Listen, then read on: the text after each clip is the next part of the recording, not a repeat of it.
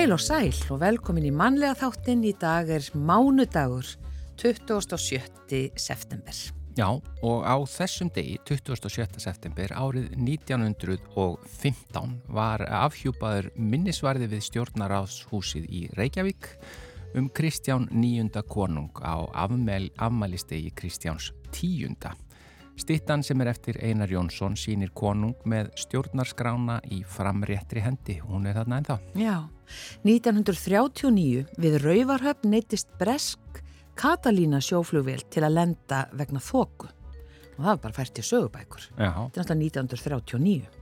Svo er ára 1942 á þessum degi ríkið lagði niður enga sölu sína á bifreiðum sem það hafði haft í sjö ár. 1950 vegna mengunar í lofti var dimt fram eftir degi á landinu og sólinn virtist vera bláleit. Tali var að þetta stafaði e, frá eldkossi á Filipsegjum eða af skóareldum í Norður Ameríku. Já, það er ekki smá vegalengt frá Filipsegjum. Mm. En svona getur þetta verið. Já, já. 11. breiðskífa bílana Abbey Road kom út í London á þessum degi árið 1969 Og svo var það 2006 á bylunu 10 til 15.000 manns gengu mótmælagöngu niður laugaveg til að mótmæla stóriðustefnu ríkistjórnarinnar.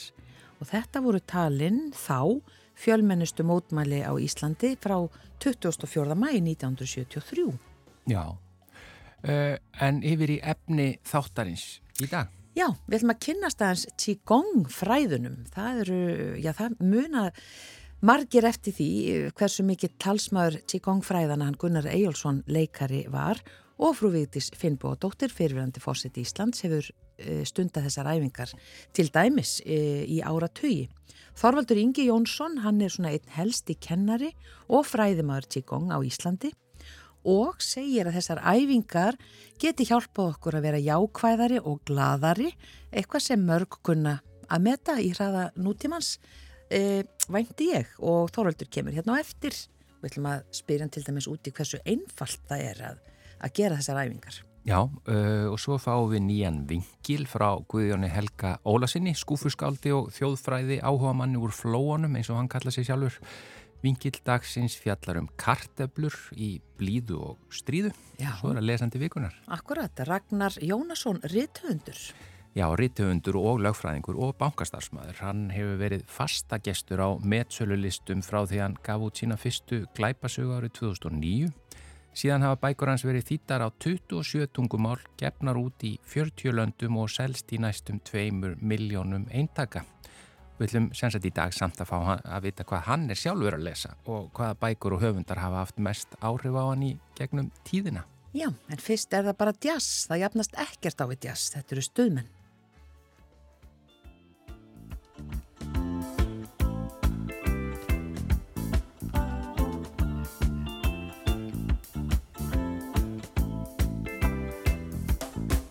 Þeir segja heima sé best.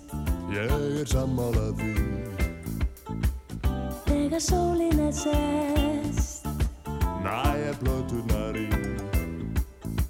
Við erum músikalspar Sangallaðir Tjaskækjarar Músikalspar Sangallaðir Tjaskækjarar Við lustum Ellington á Smellu fingrum í takt Að múla Gudmann og Jets Allt er undilagt Við erum músikalspar Sangallaðir Tjaskækjarar Músikalspar Tjaskækjarar Hefðu syngið, syngjum jazz Sveiflan fellur eins og flýsir rass Það jafnast ekkert á við jazz. Kontrabassi, trómur, brass Piano og rámur, tenor, sax Það jafnast ekkert á við jazz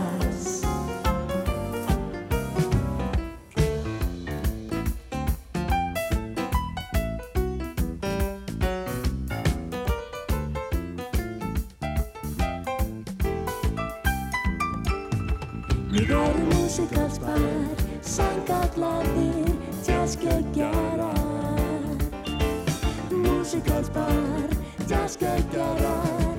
Henni syngið, syngjum jazz. Sveiflan fellur eins og flýsur ás Það jafnast ekkert á við jazz Kontrabassi, trommur,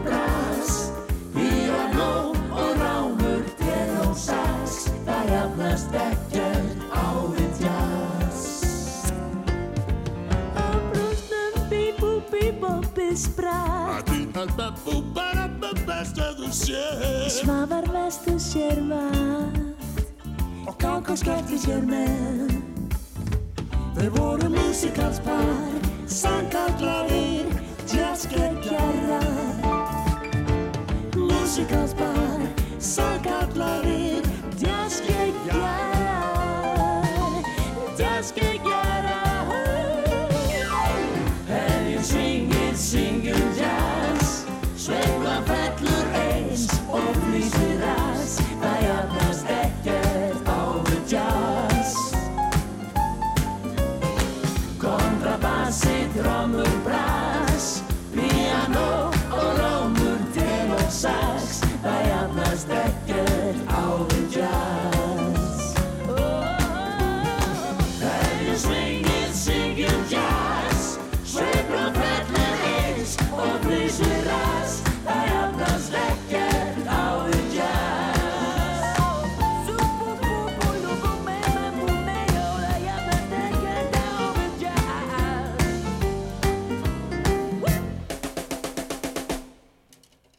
Já, við ætlum að kynnast Qigong fræðunum í dag. Það er eflaust mörgum í fersku minni hversu mikill talsmaður Qigong fræðana hann Gunnar Eyjólfsson leikari var og, já, til dæmis frú Víktis Fimboðdóttir, fyrverandi fósitt Íslands, hefur stunda þessar æfingar í áratugi. Og Þorvaldur Ingi Jónsson er einn helsti kennari, eða hvað getur sagt, fræðimar Qigong á Íslandi og Og hann segir að æfingarnar hjálpi okkur að vera til dæmis jákvæðari og gladari og það er nú eitthvað sem mörg kunna að meta í hraða nútímans ímynda í mér. Og Þorvaldur er komin ykkar til okkar velkomin. Já, takk ennilega fyrir að hafa mig hjá ykkur. Segðu okkur aðeins svona bara hvenar þetta kemur til eh, Íslands?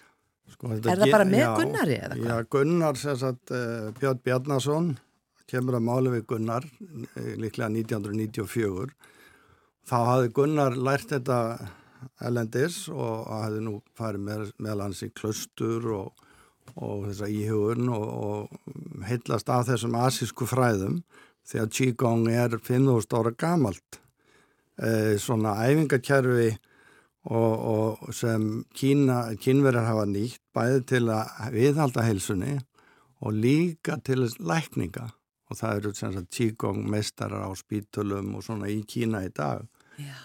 Og, og að því að æfingarnar og uh, sagt, 1994 byrja Gunnar og hópur og sem heitir Ablin og er núna ennþá, ennþá við líði en ég var, hafði svo mikið áháð þessu svona er svolítið ofvirkur og á erfitt með að sitja á mér sko þannig að það var gott nefnilega í Qigong að þá erum við að anda sérstaklega í djúpri Qigong öndun þá setjum maður tungun upp í góm og, og brosir og hefur munnvatn og andar hreitni tærir orkun inn og svo við öndum frá okkur að gefu óhreinindin og sjáum fyrir okkur móður í að taka við. Og þetta er svo hreinsandi.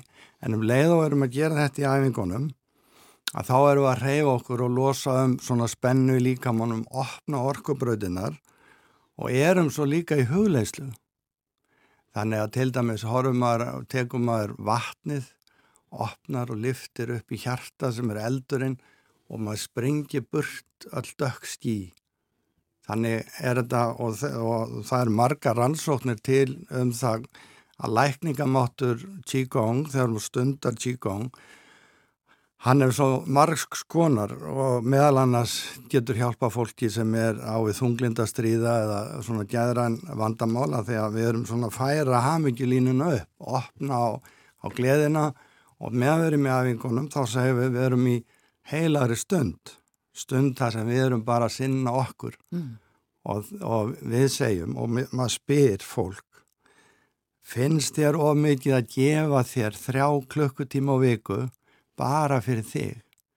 Að þetta er svolítið eins og þegar í flugvilni að setja grímuna fyrst á sjálfan sig vegna þess að ef við ætlum að vera eins og við í Qigong og við ekki stegun og sérstaklega fram og hún hafa ekki þekki enga sem stundar Qigong sem eru leðilegir að því að, að því að það er verið að skapa jákvæða hugsun og að vera gefand og góðar mannestjur og þannig okkur líður best þegar allir í kringum okkur er að njóta sín það er nóg pláss fyrir okkur öll Mm. og það er svo gott og þess vegna er þetta líka það þegar maður fer í þessar æfingar og er að anda inn og sér þessa orku koma til sín og er að hlaða orku brunnin sinn, það er sem sagt hérna neð, réttur neðan nafla, að þá er maður að fá þessu orku sem við þurfum á að halda til þess að geta raunverulega opna vel á hjartað. Mm. Er þetta flóknar æfingar eða einfaldar? Mjög einfaldar og, það sem er svo gott við Qigong-hæfingarnar er raunverulega við erum ekki að fara setjast á gólfiðan eitt, við setjum í stól, við stöndum upp og erum með svona axlabreyta á milli fóta, við förum á hessbak þá fer hver og einn svona aðeins út eins og passar honum til þess að styrkja. En eitt af því sem þessar Qigong-hæfingar gera og þess vegna er ég nú að, að, að koma til fyrirtækja líka og, og, og sína þeim Qigong og tengja þetta við svona leiðtóa hefni vegna þess að maður ætlar að vera sterkur og góður leiðtói þá verður maður að hafa ork og vera svolítið örugur og, og hafa sjálfstæði til þess að smita það út frá sér. En, en við sem erum mikið í tölfunni það er nánast allir komið með ykkur af öðabólku Mm. í æfingunum erum við að lifta upp höndunum og með þessi einn æfingunum fljúum við og breytumst í fallega fuggla, það er rosalega gaman og þá opnum við svo vel á axlirnar að við losum um vöðabólguna og fáum meira blóðflæði hérna inn vegna þess að það er mjög hættulegt í raun og vera að vera lengi með stífa vöðabólgu, við fáum höfverk og það er ekki nóg blóðflæði upp í höfuði og allt í Qigong er einfalt. Við erum bara að tengja okkur við móður jörð. Við erum bara að það að við erum hluta náttúrunni Mm. Og verðum ennþá meiri náttúru sinnar, skinjum það að við, við þurfum að skila móður jörð til komandi kynsluða og líka þegar við erum óhrædd, það búist við ekki að neitt komi að okkur alltaf að drepa okkur. Þess vegna erum við líka friðarsinnar. Og það er svo mikilvægt að koma þess á framfæri vegna þess að, að það eru margir og sérstaklega einhverju kallfuskar sem, sem eru eins og Putin og svona sem þú veist, ja, halda, ég- maður skilur þetta ekki, það getur ekki verið gleði að, að vera með hann yfirgang. Og þess vegna er en, en það saði Gunnar alltaf Qigong er ekki íþrótt heldur lífsmáti. Mm. og í lífsmátanum þá erum við þakklátt. Við berum aldrei með okkur reyðið eða langrækni. Við vitum það öll að við lendum í áföllum og þá verðum maður svolítið lítill í sér til dæmis var gerðist það fyrir tveimur árum að ég og, og 13 aðri stjórnendur hjá sjúkratryggingum Íslands og reknir bara út af stjépilarsbreyting bara allt í einu. Er maður og, og þetta er náttúrulega stjórnarhættir sem eru ekki góðir vegna þess að það eru niðurbrjótandi. Mm. og þá er náttúrulega spurning hvernig ætla maður að takast á við slíkt? Og ég hef notið þess og, og, og undanfærinu tveimur árum verið þá að stúdera þetta hvernig við getum að, að það er svo mikilvægt að við komum glöð til vinnu okkur hlakki til, maður hugsi vá, hvað verður gaman að koma í vinnin í dag ég get örgulega gert eitthvað betur í dag en í gær Mm. og þannig viljum við að fólkið okkar við sem að styðja hvert annað Já. og það er þetta við þorfum í Qigong og þessi lífsmáti að maður hafi orkuna, maður kunna hlusta og leifa öllum að, að njóta sín. Þannig að þetta eru öndunaræfingar og með einhverjum svona tegju æfingum eða ekki svona líkamlegum með Jú. og þú segir þetta séu einfaldaræfingar. Já. Eh, hversu fljótt er maður fann að því þú tala líka um mjög mikinn ávinning sem að Já. bara þú veist í orku og, og viðhorfi og öllu slíku. Já. Eh, ég meina hvað er, er fólk að stunda þetta lengi áður en að fyrir að finna eitthvað slíkt? Sko, ég er að halda svona dagsnámskeið, var til dæmis í Skálholti núna 8. oktober, þeim fallega stað og þá kenni ég æfingarnar og þá skilur fólk sko hvað er að gerast. Til dæmis þegar við erum í deburð og öndum grund að þá, þá hægjum við allir starfsemi þannig að æfingunum skilur fólk þegar við opnum vel á lungun og öndum djúft inn að þá við að fá inn orkuna. Mm. En það sem er að gerast í dag og, og ég er sérstaklega að, að nefna við fyrirtæki og annað og við þekkjum bara eins og í kringum virk. Það er nokkuð þúsund Íslandingar sem eru orkulöysir, hafa lent í kulnun. Hún gerist þannig að þegar það kemur upp kvíði hjá okkur og við erum í spennu þá erum við stöðut að dreina adrenalin út frá nýrónum. Og þannig læðist að okkur smám saman að við erum búin að dreina orkuna út og fólk segir í kulnunni ég vaknaði eitt morgun og það var engin orka. Og þess að í tíkongæfingunum byrjum við alltaf að, að, að kíkja orkubrunnin okkar. Er nokkuð svona gull raukt ljós á honum? Við hættum ekki í, í æfingunum fyrir en það er orðið grænt ljós og, þess, og, og, og þegar við erum búin að læra á einum degi að þá segjum við ef við gefum okkur svona 20 mínutur, 30 mínutur á dag og við erum að fara í gegnum æfingarútinu þrísverði viku þá dýr það til að viðhalda og maður finnur strax að við höfum meiri orku og það er svona jákvæðni og við náum að opna og reynsa út þetta stress. Mm og, og heilunin í raun og veru, þegar við tölum um heilun, að um leið og við náum að opna orkubröðinar og til dæmis að, að þá, og að það er ekki stíplur í þeim, að þá næ líka minna að reynsa og ef þið hugsið það að mamma og pappi voru einu sinni að búa okkur til og lögðu 23 litninga kvort og við byrjum sem einn fruma. Og þess vegna spyr ég alltaf hvar haldið það að upplýsingarnar um okkar helsu séu? Nemi okkur sjálfum og gunnarlega alltaf og ég er auðvitað að leggja áherslu á það að ábyrðin er okkar að við sinnum okkur og það er endalust ytra áreiti en við þurfum þrjá tíma á viku til að fara inn í kroppin okkar tala við hann, horfa til hjartan sem er keisarin í líkamannum okkar að hjartað okkar sem fær fyrst allar tilfinningar. Svo er það hugurinn og ef hugur og hjarta er ekki að spila alveg saman, hugurinn er oft svolítið erfiðið fyrir okkur, að þá, að þá, sagt, eh, hann er það miklu öðvöldur að fá svona upp neikvæðar hugsanir. Já. Þannig að við erum að rækta það með okkur að, að fá svona eh, þetta jákvæða viðþorf.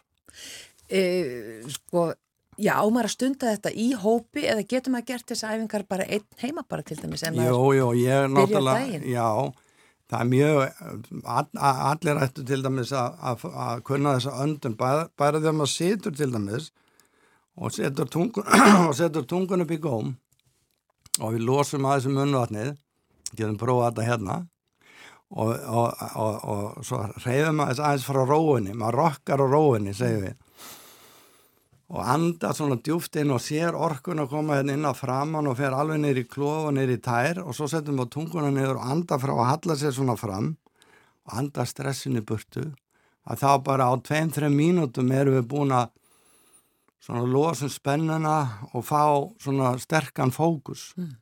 Kyrra hugan svolítið Já, já, já.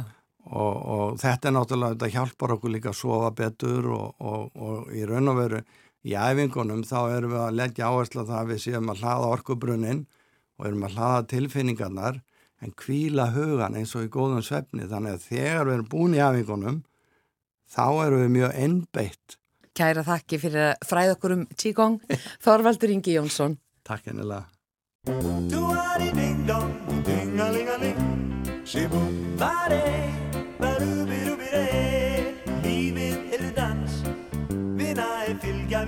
mér til draumalands og segðist gefa mér alla ástina.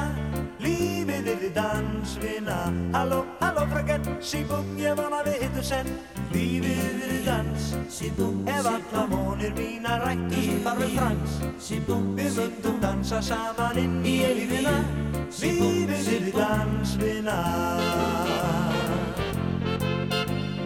og hversinn er ég horfa á þig ég hugsa þá strax um hætt að öllum þér vilja mig vinna verðum við sæl lífið er í dans vinna er fylgja vildir mér til draumanans og segðist gefa mér alla ástina. lífið er í dans vinna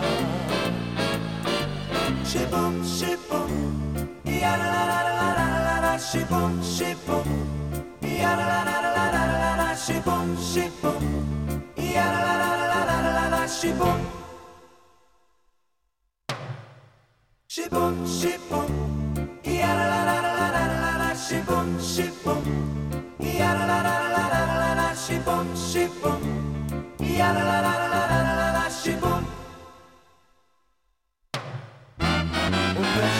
there.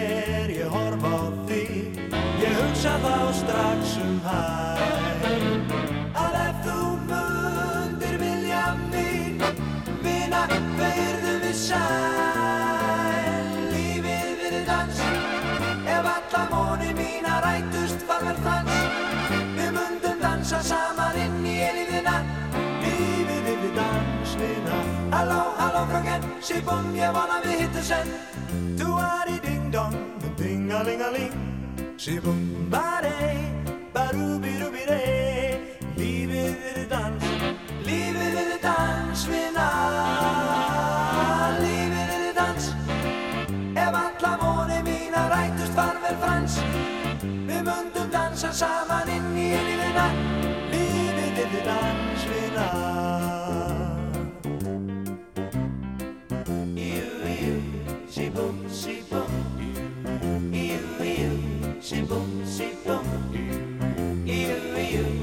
shibum, shibum. Jú, jú, shibum, shibum. Jú, jú, shibum, shibum. Shibum. Síbúm sungu þeir uh, í HLH-floknum. Uh, hér undan voru einmitt að tala um Qigong, þetta er svona Qigong, Qigong. Já, næstu því, já. Þetta var bara óskup svipað. Já, þetta lag er uh, erlend og, textin er til Þórald Sigursson en nú er komið að vingli dagsins þar sé að Guðjón Helgi Ólafsson sem hefur verið að semja fyrir okkur pisla hér í þáttin og kallað á vingil. Þetta er vingil dagsins og hann ætlar að fjalla um kartöblur í blíðu og stríðu. Ágætur hlustendur. Ég hef svo litið gaman af að rekta kartöblur. Þó eru þær á góðri leið með að verða forbóðin ávöxtur. Sækir myndrar óhóllustu.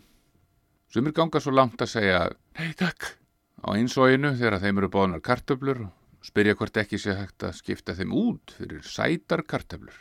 Persónulega finnst mér alveg galið að afneita venjulegri kartöflu í stað þeirra sætu sem rækta þarf í 15 til 30 stiga hita í 90 til 120 daga í öðrum og heitari löndum. Á meðan þessar venjulegu vaksa nokkurt meginn sæmilega hér hjá okkur og láta sér næja 8 gráðu jarðvegshita í 90 daga og 90 nætur. Þessar sætur eru svo sem ágættar á bragði þrátt fyrir að vera langt að komnar, kannski austan úr Kína. En þar, þar eru rektaðar ekki nema 52 miljónir tonna af sætum kartöflum og komast önnur lönd ekki hálfkvisti.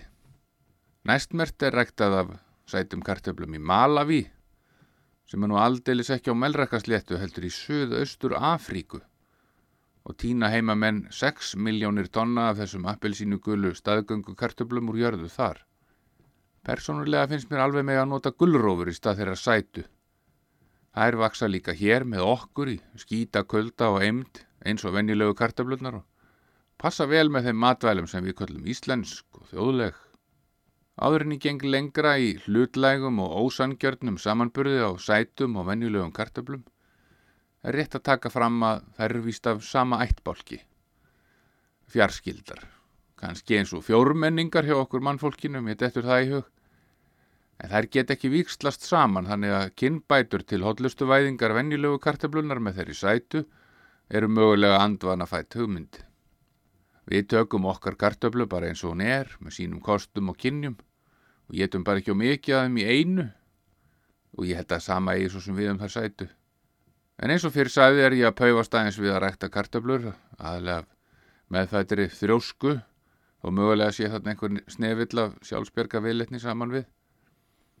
Á mínu heimili eru kartöflur nú heldur víkjandi sem meðlæti en taldar nöðsynlegar með ákveðin tækifæri. Ég tek þó fram að vera sjálfur einlægur aðdáandi þeirra. en elda æfinlega of margar kartöflur, borða sjálfur all nokkrar og gefa hænunum rest. Það er ágætt kerfi að breyta kartöflum í egg og áburð en alls ekki fullkomið. Til dæmis ef að manni ditti nú í huga leggja sér niður við að reikna út kostnaðarhliðin af fullkomnum heiðarleika. Til dæmis er á heimilinu jarðtætari sem afar sjaldan færi önnur verkefni en að tæta kartöflugarðin og er þá spenntur fyrir traktor sem hér er til og, og er þá staðin í kvítglóandi botni af því tilöfni en á að öðru leiti frekar rólega daga. En eins og ég er yfirleitt spenntur fyrir vélrænum lausnum við leiðinlega verkefni að þá er ekki öðrum vélum til að dreifa hér sem létt gætu kartöfluræktina. Korki til nýðursetningar en upptökuvíl hérna sem er miður en mér finnst ekki taka því að velvæða svona lítilsáttar framleyslu og enda einlega alltaf skrýðandi á njánum í regningu og drullu við upptektina. Blíðu dagarnir fara æfinlega í annað og eru líka á fáir. Í fyrra var alveg greinilegur taperekstur á kartöfluræktinni. Ég þurfti ekki að ræsa reiknivila til að finna það út vegna þess að kreditmegin á efnahagsreikningnum var útsæði og mest að því búðarkeft, díselolja í töluverðumagni, fjórir hnívar í tætaran fóru og tveir boltar til að festa hverjum þeirra og svo fóru gírolja á tætaran Það skal æfinlega leka vatn ofan í drefið ánum með einu með öðrum hætti.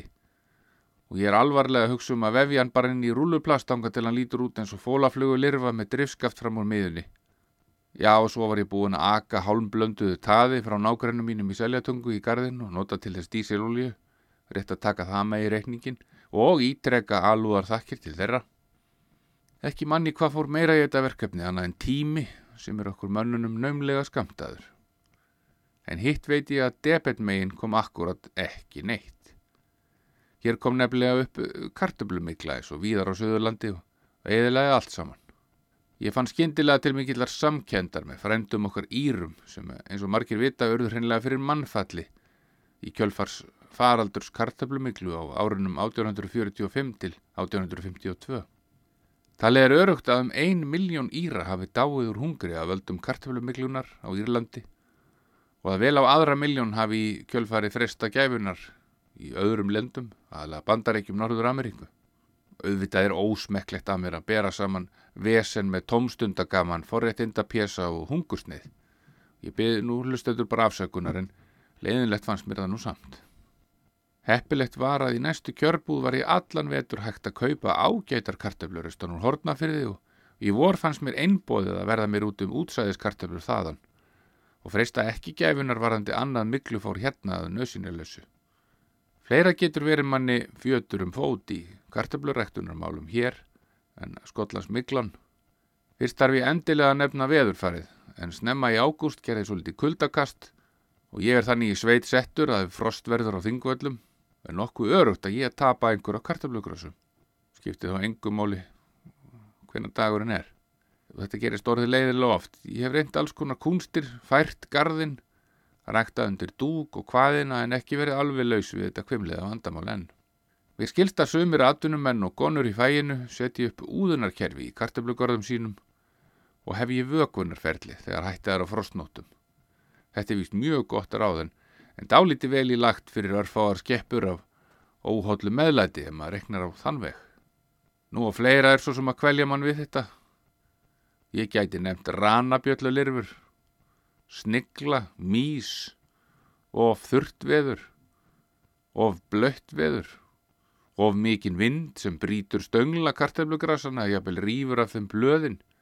Ökkur sem að hundurinn á bænum held að kartöflunniðursetning væri sérstaklega skemmtiðadreið fyrir sig og grófi jafnáðum upp þar sem ég setti niður.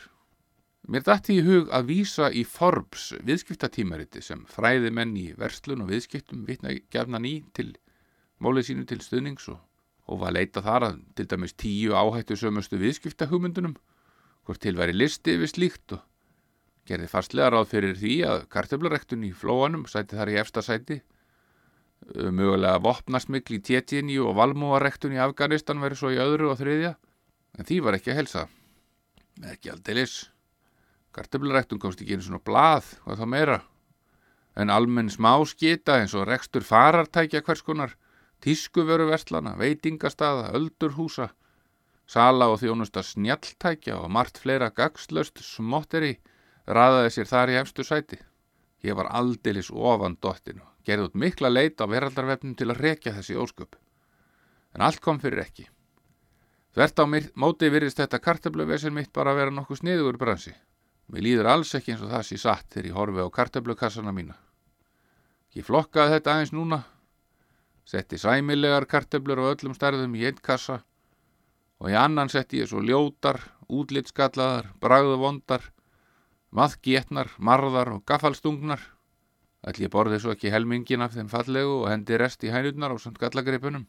Þannig má með einfaldri starfræðiformúlu finna út að einn fjórði af uppteknum kartablum séu nýtsamar en restin sé bara bakverkur, njáverkur og drullusból út í tómið.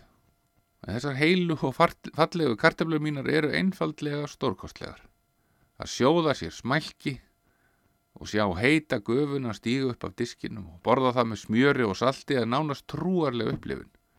Því líkt og annaðin sælgæti.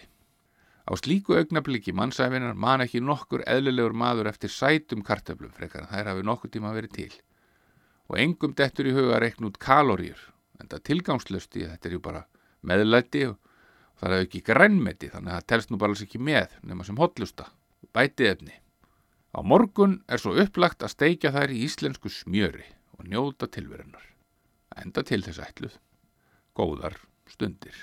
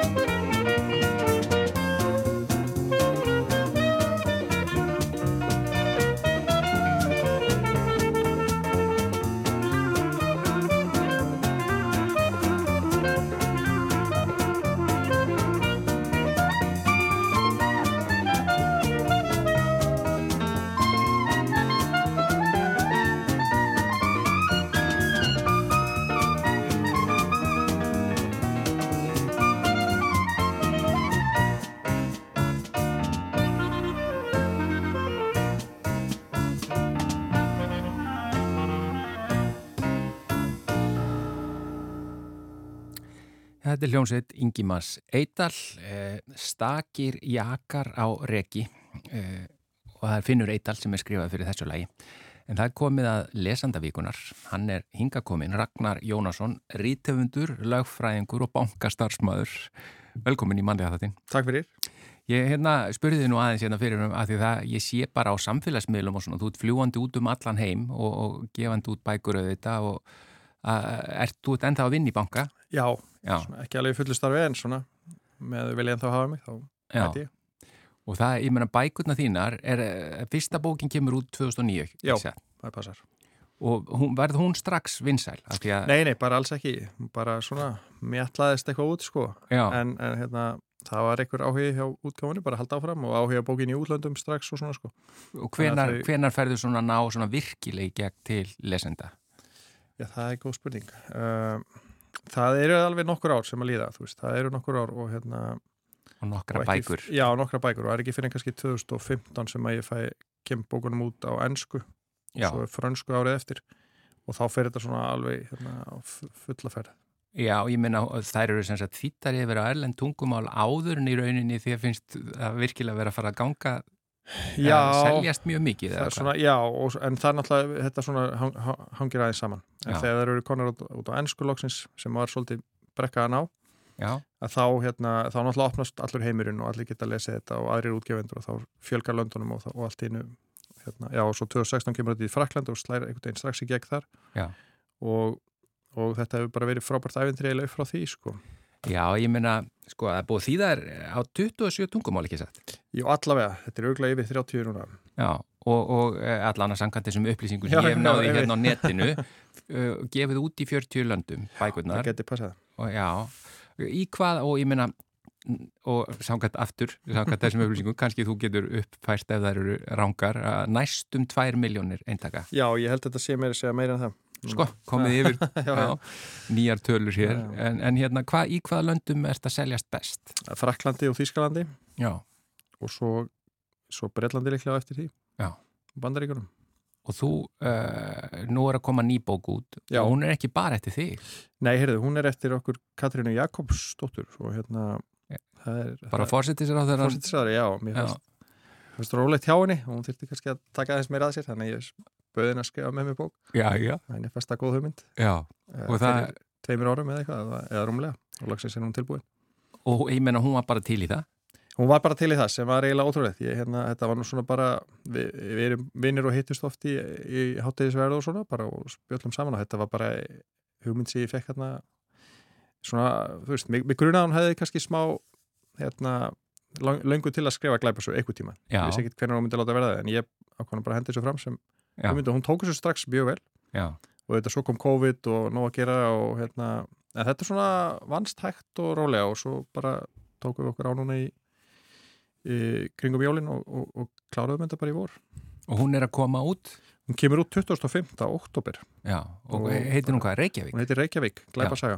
Sko, já, já, við bara, ég verði að býða þangur til þá að lesa hana og hérna, en hvernig er sko að vinna svona saman svona bók? Uh, á hvaða hátt er því að, er, uh, hvernig virkar svo samvinna? Það, já, það virkaði náttúrulega mjög vel bara og gekk vel hjá okkur og, og hérna, og, og þetta er þetta mismunandi eftir hverjir eigi hlut en, en hjá okkur við teiknum bara upp söguþráðun og, fléttun alveg til enda og, hvernig sögu vildum segja og hvaða tímambili, hún gerist 1986 sem sagt, og hérna og svo í rauninni bara nokkuð degið skiptum við með okkur köplum ekkit endilega kapli 1 og 2 til skiptis heldur bara Mm. svona hvað langar þið að skrifa núna og mér langar kannski að skrifa þetta og um þennan karakter og, og svo þegar ég lesa bókin yfir núna þá man ég ekki einu sinni alltaf sjálfur hvað ég skrifa og hvað hún því þetta er búið að fara í gegnum svona hérna aftur og aftur og við að laga hvort hjá öðru og Og en eru það með, með svipaðan stíl?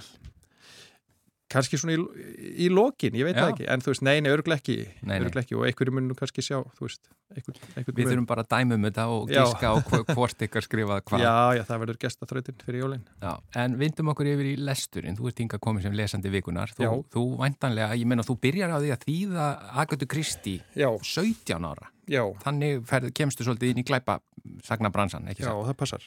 Þetta var hérna og ég er einmitt með tvær bækur hérna sem eru ekki eftir, eða, já, er raunin ekki eftir Agutu Kristi, en tvær um Agutu Kristi er eina æfisagana sem var að koma út núna bara fyrir viku eða eitthvað, eftir Lucy Worsley og svo er bók sem heitir Marpul sem eru sko 12 nýjar smásögur um fröken Marpul skrifaðar af af 12 uh, konum sem að hérna þannig að þær eru að fá leifi til að veist, svona, Svona henni til heiðus. já, eiginlega, svona endurskapa heim, heim frökun Marpúl og hérna, og ég er svona byrjaður á þessum báðum bókum, alltaf spenntur að lesa. Þannig að hún er alltaf með mér, Agatha. Ég, og ég er alltaf líka að lesa bækundur hennar þó ég vil lesa þær allar, ég er alltaf svona gluggið þær aftur eða bara lesa þær aftur stundum, þú veist, eða langt síðan ég maður hefur lesað þá kannski mann maður ekki alveg flettuna sem er frábært, þá getur maður notið bókar hennar aftur, en sumar eru bara Getur góðar. aftur komið þér óvart. Já, hún getur aftur komin á orð sumar þessar bestur náttúrulega eru með svo ótrúlega sniðu endi að það er engin leið að gleyma því og þá hérna, les maður það kannski samt. En ég er alltaf að lesa eitthvað eftir hann og hún náttúrulega hefur haft mikil áhrif á mig og, og er svona minn uppáhalds glæparsagna höfundur en það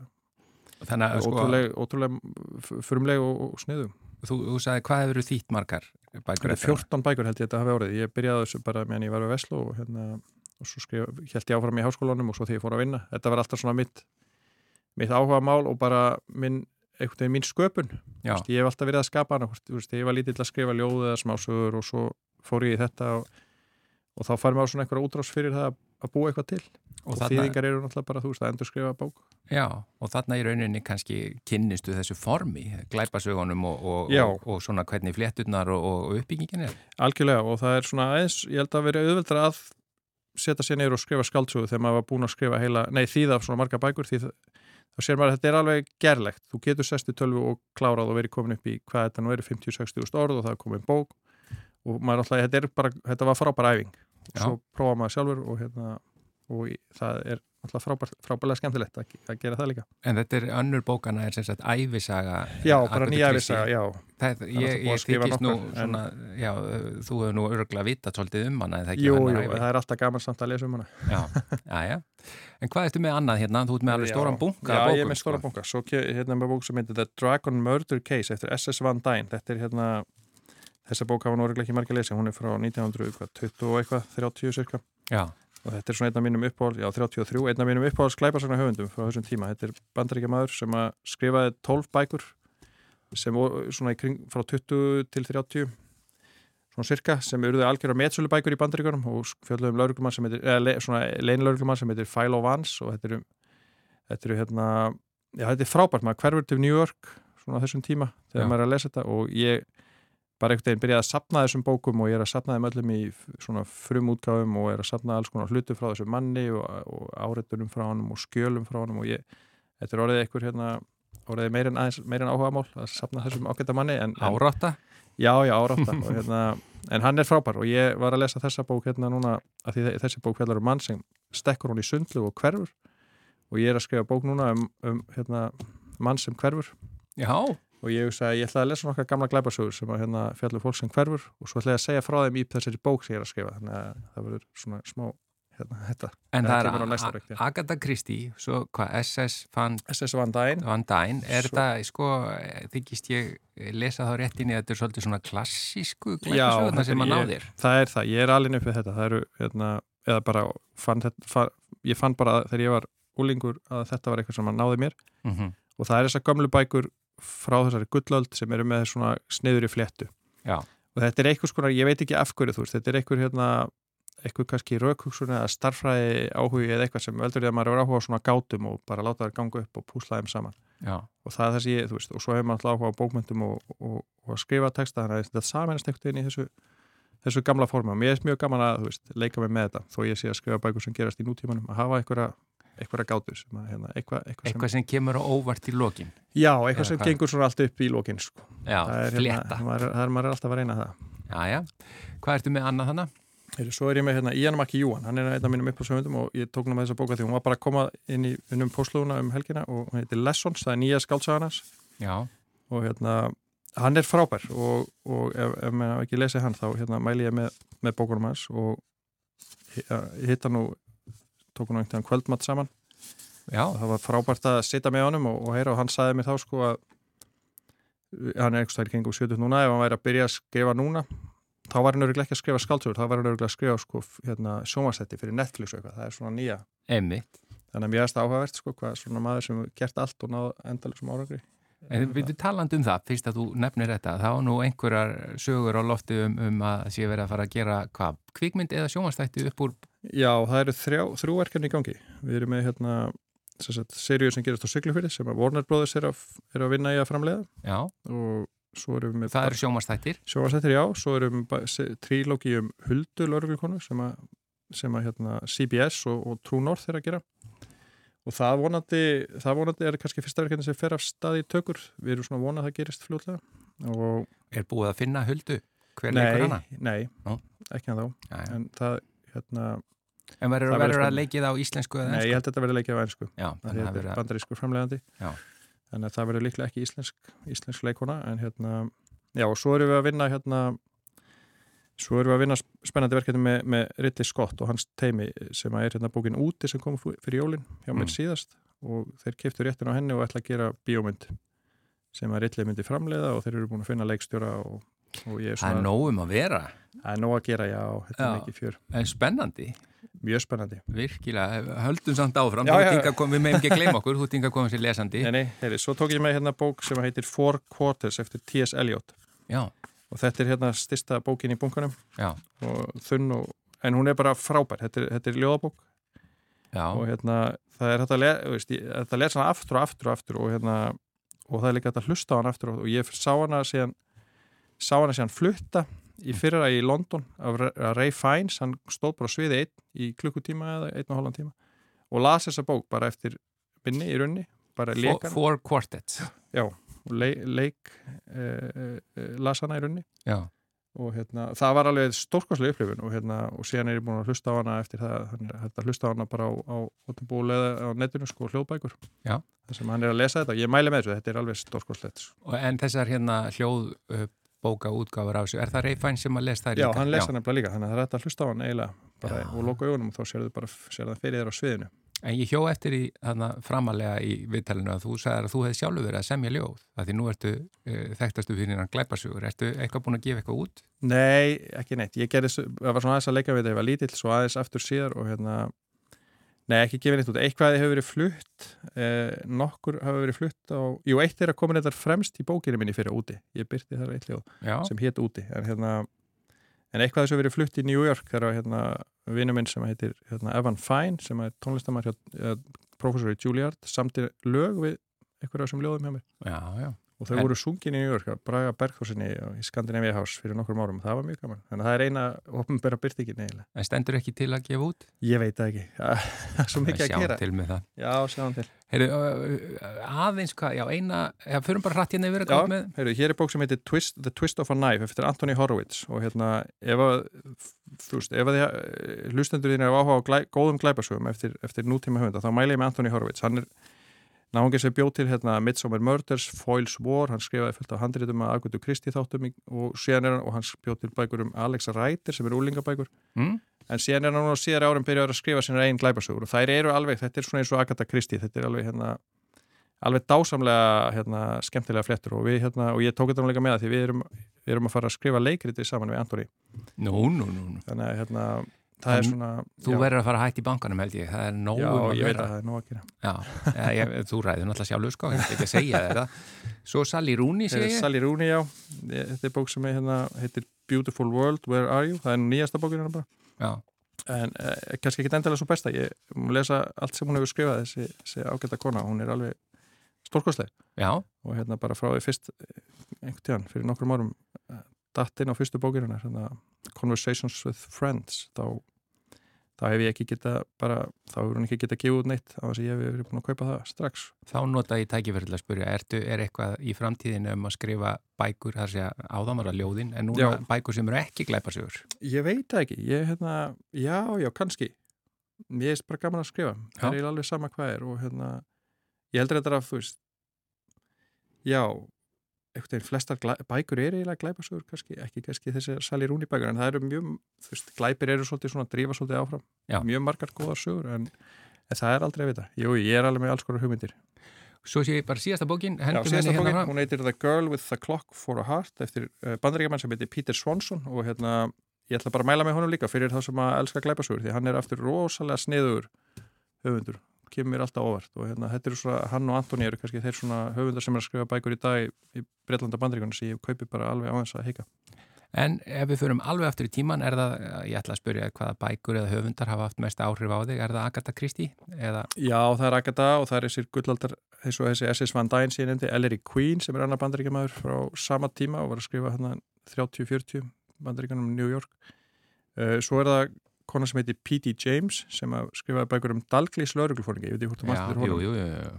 Hérna, mann vel eftir sjómanstáttunum já, einmitt, já, og já. hún var sko, og ég náði henn á hittan hann okkur sinnum og og hérna, hún er dáin núna en hún var að skrifa alveg fram yfir nýrætt og hérna og, það, og hún skrifaði ekki marga bækur en það eru algjörlega frábærar og ég held að hún hefði alveg haft líka mikil áhrif á mig því að hún sko bjóti bækur þar sem að persónuna voru alveg í forgrunni og, og, sko, glæpurinn var ekkit endilega aðalatri en þú lastar bara áfram að því að þið, langaði svo að vita meirum enda fólk sem hún var að skrifa og það fannst mér svo frábælega gert og það er hérna, hún var að gera þetta ekki öðruvís en Agatha Christie og það voru báðar frábærar á, á sinnhátt En er einhver svona Eh, ein bók sem þú last til dæmis þegar þú varst yngri sem þú mögulega kemur aftur að eh, aftur og aftur í gegnum æfina sem að svona virkilega situr í þér? Nei það eru alltaf aðgöndu Kristi bækurnar og þess að kannski bara fyrstu sé ég las sem að ég hérna, sem að náði mér, svo man ég reynda líka því að hérna, fyrst þú spyrðu þetta, ég man ég las hérna, Ólafi Jóhann þegar ég var úlingur hérna, Snigla Visluna og og hérna, þá var hann emitt, þá var hann að vinna í hérna, svona stóra emi og skrifa bæku líka og, hérna, frendi minn var að gefa hann út og hérna, gaf mér þessa bók. Og mér aðstum frábær hjá hann og hérna og ég held að það hafi sko bara það að lesa þá bók og ég veist þetta, bara, þú veist, þetta er bara hægt eitthvað, og hérna gera svona, þú veist, frábær bók gera eitthvað annað líka og, og, og kannski, þú veist, kannski mun ég ekkert að skrifa bók. Ég man ég hugsaði þetta þegar ég las þessa bók og það liður síðan kannski tíu ár frá því að þú veist, ég las hana og þá kannski að ég það kvartlaði mér í raunveruleikanum að ég geti skrifað skáldsögu en hérna Það kvikti einhvað Já, ég held að ég honum Því ég komið hér með á framfæri Já. til Óla og Jó og hann er pottitt að hlusta Alveg öruglega En Ragnar Jónasson þakkaði kælega fyrir að vera lesandi vikunar í þetta sinn Þættinum er bara lokið í dag, við þökkum kella fyrir samfélgina og verðum hér aftur á sama tíma á morgun. Verðið sæl.